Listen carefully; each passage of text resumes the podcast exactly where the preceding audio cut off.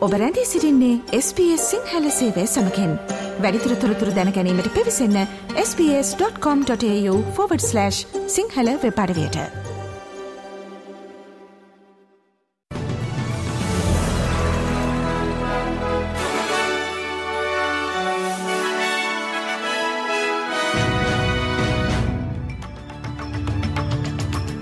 අද දෙසැම්බර් මස දොළොස් වනිදා අඟහරුවාදා SBS සිංහල සේවේ ප්‍රෘතිගෙනන මම දිනේශාදිල් රුක්ෂී විජයසූරිය. ඊයේ ප්‍රකාශයට පත් කරන ලද මෙරට සංක්‍රමණ ප්‍රතිපත්තියට අදාළ ප්‍රතිසංස්කරණය කොටසක් ලෙසට රජය විසින් ජාත්‍යන්තර ශිෂ්‍යවීසා බලපත්‍රය සඳහා වෙනස්කම් රාශයක් හඳුන්වාදී තිබේ. ඒ අනුව ලබන වසරේ මුල සිට ශිෂ්‍ය සහ තාවකාලික උපාධිධාරී වීස සඳහා ඉංග්‍රීසි භාෂා අවශ්‍යතාව වැඩි කෙරේ. මෙමගින් අන්තර්ජාතික සිසුන්ගේ අධ්‍යාපනයේ ගුණාත්මික භාවය වැඩිදියුණු වන අතර ඔවුන් සේවාස්ථානවලදී ශ්‍රම සූරා කෑමට ලක්වීමේ හැකියාව අවමවඩු ඇතැයි ස්වදේශ කටයුතු අමාත්‍ය ක්ලයා ඕනීල් සඳහන් කරායි. Now, what we have seen with students who are struggling with their English is that they are at much higher risk of exploitation and that they are likely to gather in really low paid work and uh, not be able to move out of that over their time in our country. Now, we want to run a good, integrity, filled migra- uh, um, education system here, but we also want to set our students up for success. And if we allow them to come here without functional English that will allow them to work, we're not doing that. රජයේ සංශෝධිත සංක්‍රමණ ප්‍රතිපත්තිය සඳහා විපක්ෂය පක්ෂද අදහස් දක්වා තිබේ. National පක්ෂය පවසා සිටිනුවේ මෙම නව සංශෝධිත සංක්‍රමණ ප්‍රතිපත්තිය මකින් මෙරට පුහුණු ශ්‍රමිකයන්ගේ හිඟයක් නිර්මාණය කරනු ඇති බවයි. මේ පිළිබඳව අදහස් දක්වා සිටි ග්‍රීන්ස් පක්ෂනායක ඇඩම් බෑන්ඩ් පවසා සිටියේ මෙරට නිවාසාර්බුදයට හේතුව ලෙසට වැඩිවන සංක්‍රමණය සඳහා දෝෂාරෝපණය කිරීම අසාධාරණ බවයි. අසීමිත නිවාසකුලී වැඩිවීම් අසීමිත පොලි අනුපාත ඉහළ යාම වැනි කරුණු සඳහා රජී විසින් ජීවන වියදම් පහත හෙලීමට සහ පොදු නිවාස ඉදිකිරීමේ ව්‍යාපෘති සඳහා ඉක්මන් ක්‍රියාමාර්ග නොගැනීම ආදිය හේතු වී ඇති බවද ඔහු වැඩිතුරටත් පවසා සිටේ. Migration hasn't caused Labor's housing crisis. It's Labor backing unlimited rent rises, unlimited interest rate rises, and not building enough public and affordable housing. That's what's got us into the housing crisis that we're in. But now, Labor has joined the Liberals in blaming migration for the housing crisis. Stop trying to out tough Peter Dutton because there's nothing he won't do. මෙම නව සංක්‍රමණ ප්‍රතිපත්තිය පිළිබඳව වන සවිස්ත්‍රාත්මක තොරතුරු අද කාලීන තොරතුරු විශේෂාන්ගෙන් බලාපොරොත්තු වන්න.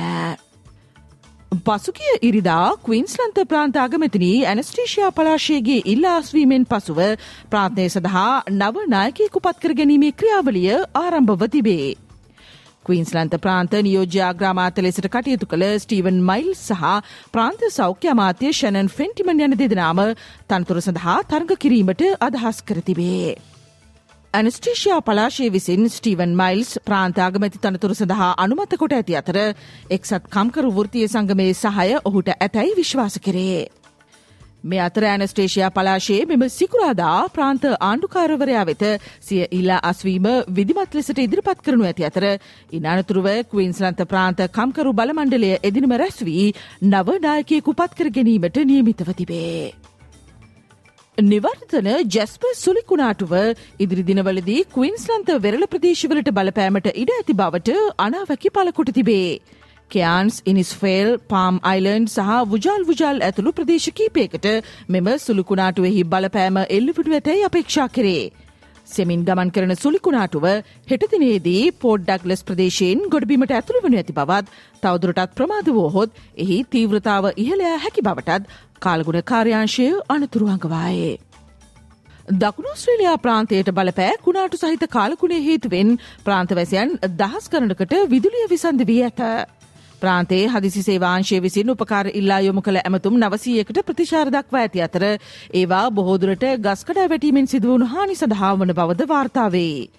ප්‍රාන්තයේ සමහර ප්‍රදේශවල විශාලහිමකට සහිත හේල් වර්ෂා සහ පෑට කිලෝමීට අනුවක වේගීන් හමාගිය සුළංද ඇතිව තිබේ.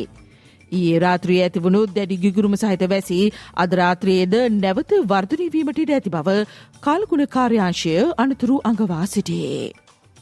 හමස් සංවිධානය සමඟ පැවති යුද්ධය අවසන්වීමෙන් පසුව ගාසාතීරය රැඳී සිටීමට ඊශ්‍රායිලයට අදහසක් නොමැති බව ඊශ්‍රයිල ආරක්ෂකමාත්‍යවරයා ප්‍රකාශ කර තිබේ.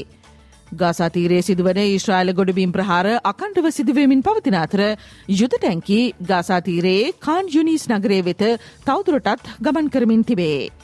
නගර මධ්‍යයෙන් පලායන ලෙසට ඊශ්‍රයිලය සිවිල් ගාසාවැසියන්ට නියෝග කර ඇත. ආරක්ෂාව අංක එකේ ප්‍රමුඛතාවය බවත් යුද්ධය නිසා ඊශ්‍රායිලයට ගාසාතීරයේ රැඳී සිටීමට කිසිදු සැලසුමක් නොමැති බවත් ඊශ්‍රයිල ආරක්ෂකමාත්‍ය යෝගැව් ගැලන් පවසා තිබේ. හමස් සමගී යුද්ධයේදී පලස්තීන සිවිල් වැසියන් ආරක්ෂා කිරීමට මීට වඩා වැඩියමක් සිදු කරන ලෙසට ඇමරිකා එක්සත් ජනපද රාජලේකම් ඇන්තනි බ්ලින්කන් ඊශ්‍රයිලයෙන් ඉල්ලා තිබේ. එක්සත් ජාතීන්ගේ සංවිධානයේ යෝජිත ඉල්ලීමට අනුව වහාම මානුෂීය සටන් විරාමයක් ඇතිකර ගැනීමට අදාළ ඇමරිකාවේ නිශේධ බලය පාවිච්චි කිරීමෙන් පසුව රාජලේකම්වරයා විසින් මෙම ප්‍රකාශය සිදුකොට තිබේ. උපුල් තරංගකයේ සහභාගීත්වයෙන් යුත් නව ජාතික ක්‍රිකට් තේරීම් කමිටුවට හිටපු ප්‍රබල පිතිකරුවෙක් වන ඉන්දිකද සේරම් ඇතුළත් කොට තිබේ. එ අනුව උපුල් තරංග ඩිල්රුවන් පෙරේරා අජත්ත මෙන්ඩිස් තරංග පරණවිතාන සහ ඉන්දිකත සේරම යන අයවලුන් ජාතික ක්‍රිකට් තේරීම් කමටුවට පත්කිරීමට ජාතික ක්‍රීඩා සභාවේ අනුමැතිය හිමිවතිබේ.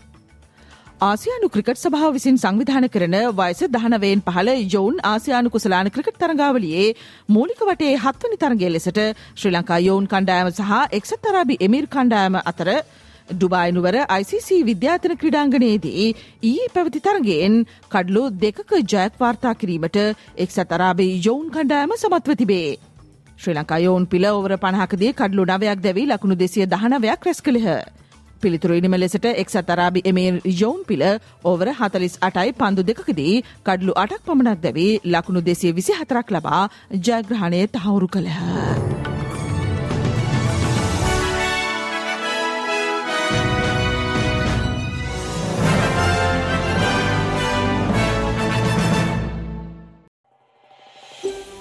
මේ වගේ තවත්තොරතුරු දැනගන්න කැමතිද.